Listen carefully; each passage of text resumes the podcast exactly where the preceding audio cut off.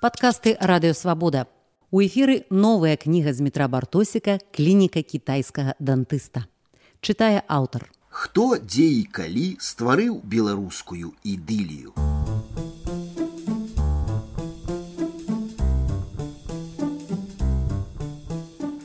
1840 годзе ў жыцці Беларусі адбыліся дзве знакавыя падзеі. Пра адну скажу крыху пазней, а вось другая паклікала мяне ў дарогу.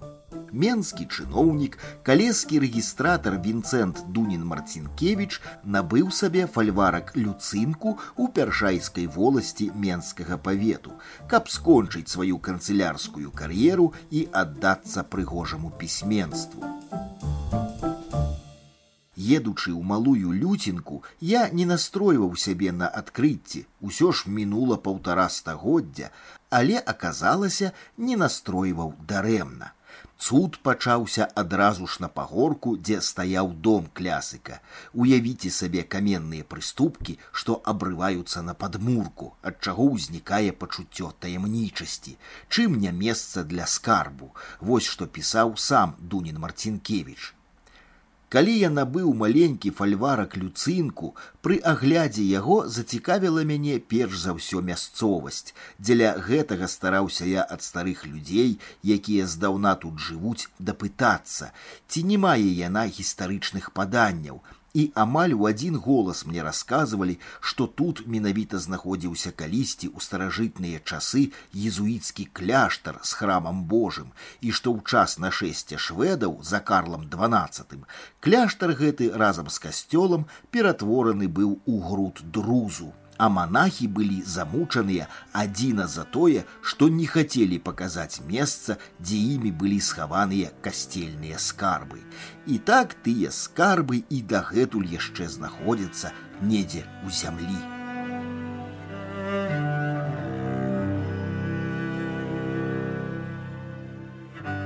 Пакуль я пранікаўся таямніцай, перада мною вырас міліцэйскі маёр з кабурой і чалавечым голасам на чалавечай мове запытаўся: « Што гэта вы тут малады чалавек робіце?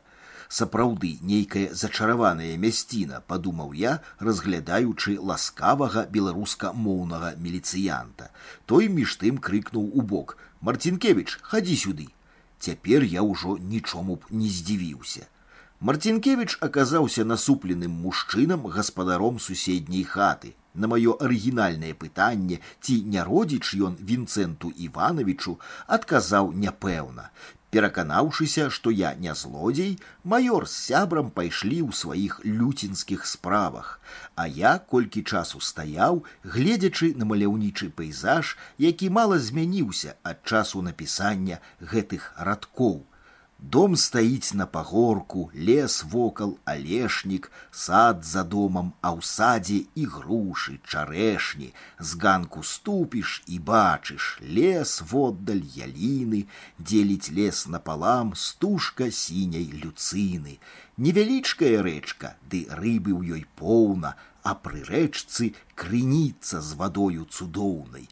Злева быццам дыван, луг стракаты квітнее, а на лузе бярозка, там сям зелянее.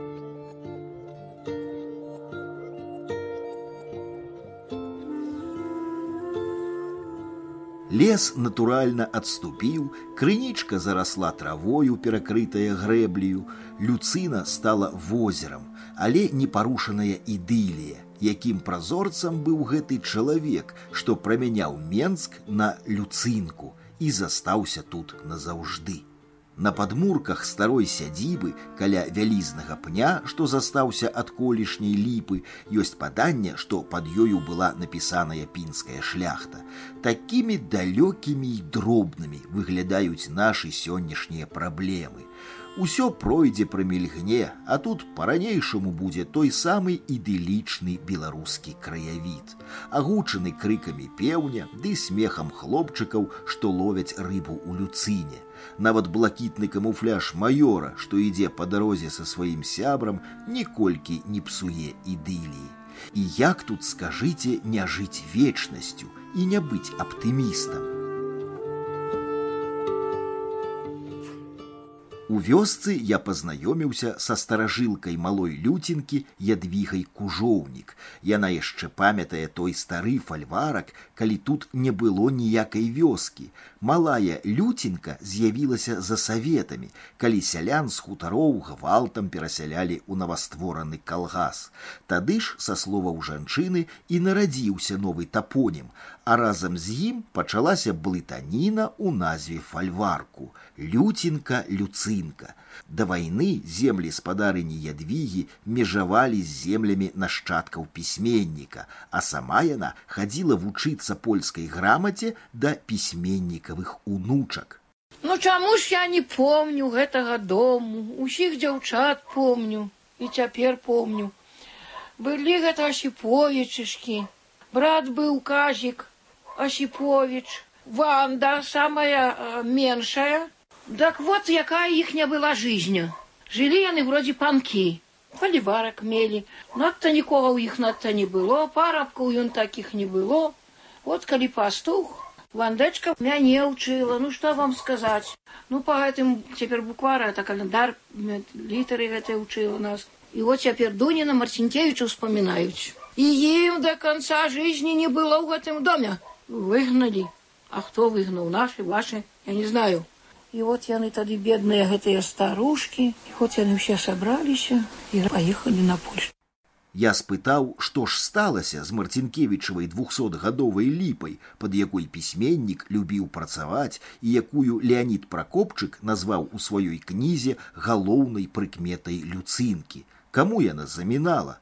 як высветлілася чарговы раз прыгажосць пала ахвяраю сквапнасці ды дурасці. Вы знаете, что ж было с липой? Она сильно была толстая, огромная такая, але ўжо ў сярэдзіне было тепло. І завяліся пчолы. Рой там был, и мед был. А был жадный присядатель. Ну и налил, и подпалил. Каб пчол пчолы выскочили, а меду, что я, я думал, что мед збярэ, як разгорелася. Згарэла ўсё тут.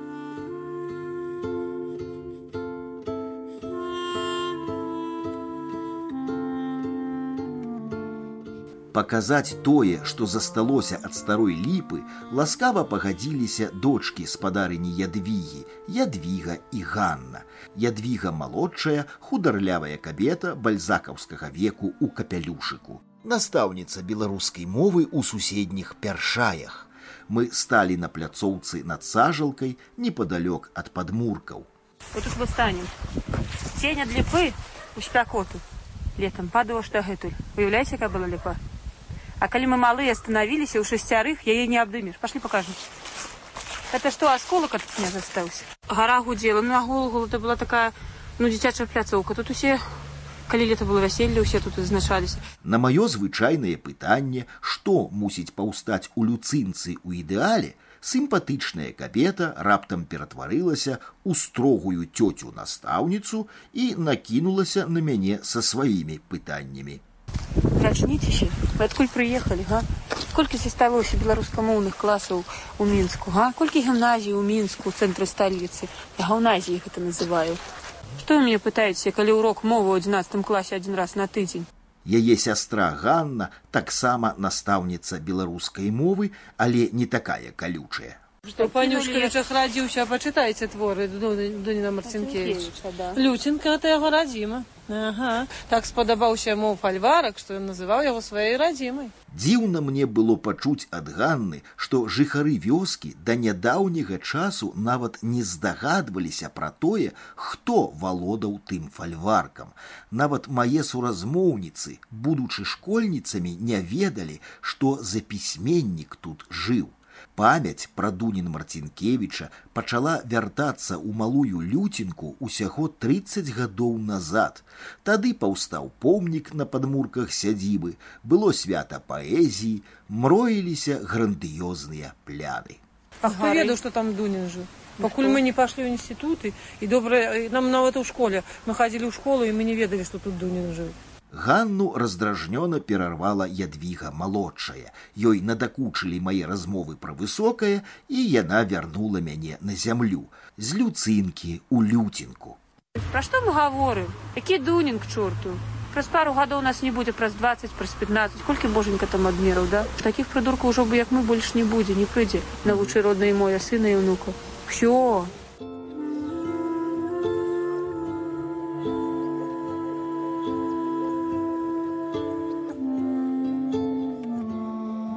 Але вернемся ў 1840 год той, калі не было ніякіх школ, калі не было нават беларускай літаратуры ў яе сучасным разуменні, калі найвышэйшым указам была забароненая для афіцыйнага ўжытку сама назва краю Беларусь.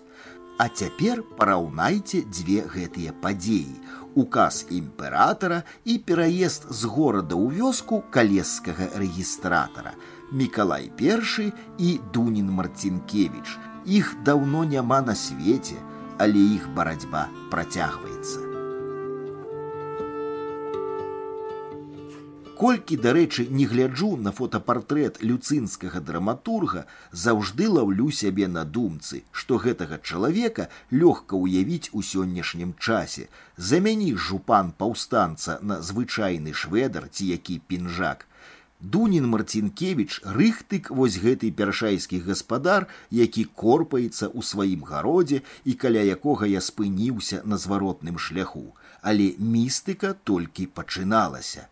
Мікола ганчарык, як адрэкамендаваўся мне двайнік, былы настаўнік. Сёння ён на пенсіі і займаецца творчасцю, стварыў у першаях тэатр, дзе ставіць марцінкевічавы ды свае ўласныя п'есы з поспехам гастралюе па наваколлі. Увайшоўшы ў хату, я аслупянеў. За сціплым мурам непрыкметнага дому хаваліся шляхоцкія пакоі, старадаўні раяль, камінны бронзавы гадзіннік, мармуровае бюро, дубовыя разьбяныя шафы, поўныя фаліянтаў і безліч карцін. Збіраю сёе тое цікавае, адказаў гаспадар на мой нямы запыт і з жалем паведаў пра сваю страту. У адной вёсцы разбіралі калгаснае гумно, і ў тым гумне знайшлася старая тэчка з дакументамі, судовыя справы мясцовай шляхты аб пацверджанні свайго дваранства. Суды справы хто мужиком каго назваў хто але значыць яны гэтыя дакументы прапалі. Гэта амаль падгатоўка пінскай шляхце. Рукапіс. Вот так вот скручаны быў трубачку і нашлі гэтыя дакументы. -huh. і перадалі мне. Прыходжу а іх ужо няма. Дзверы адамкнёны гэта ўсё накрылася.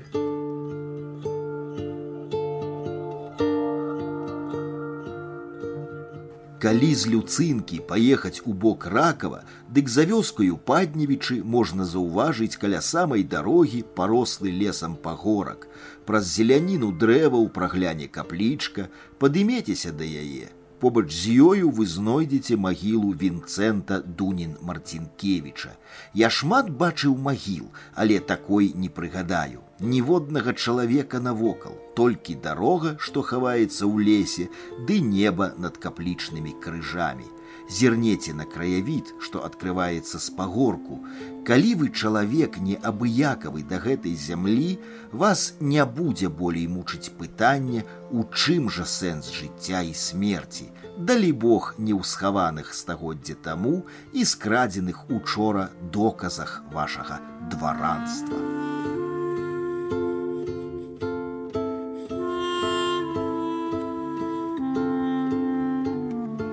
Пісьменнік Віктор Марцінович у адным інтэрв'ю сказаў, што галоўная карысць ад чытання кніг у тым, што ў цябе становіцца шмат сяброў, частка з якіх сышла з жыцця, прычым шмат гадоў таму. У праўдзівасці ягоных словаў я пераканаўся ў 1995. Патэлефанаваў мой маскоўскі таварыш тэатральны рэжысэр. Слухай, кажа, А што гэта ў вас за драматург такі з дзіўным прозвішчам Дунін? А што такое? Адкуль ты яго ведаеш, здзівіўся я. Дык ваш купалаўскі тэатр гастраляваў нядаўна на сцэне нашага малага і ідылія гэтага дуніна просто фурор зрабіла самы сапраўдны фурор Размоваў было на тыдзень і пра дуніна гэтага і пра рэжысуру пенігіна мяне клікалі, але не змог, дык цяпер шкадую. Не ведаю, кажу, ці пабачу пенігіна, але дуніну тваё захапленне перадам абавязкова. Тады я яшчэ не ведаў, што прыдомак дунін арыстакратычны і зусім не ад дуні, а ад даніі, але ў астатнім не схлусіў.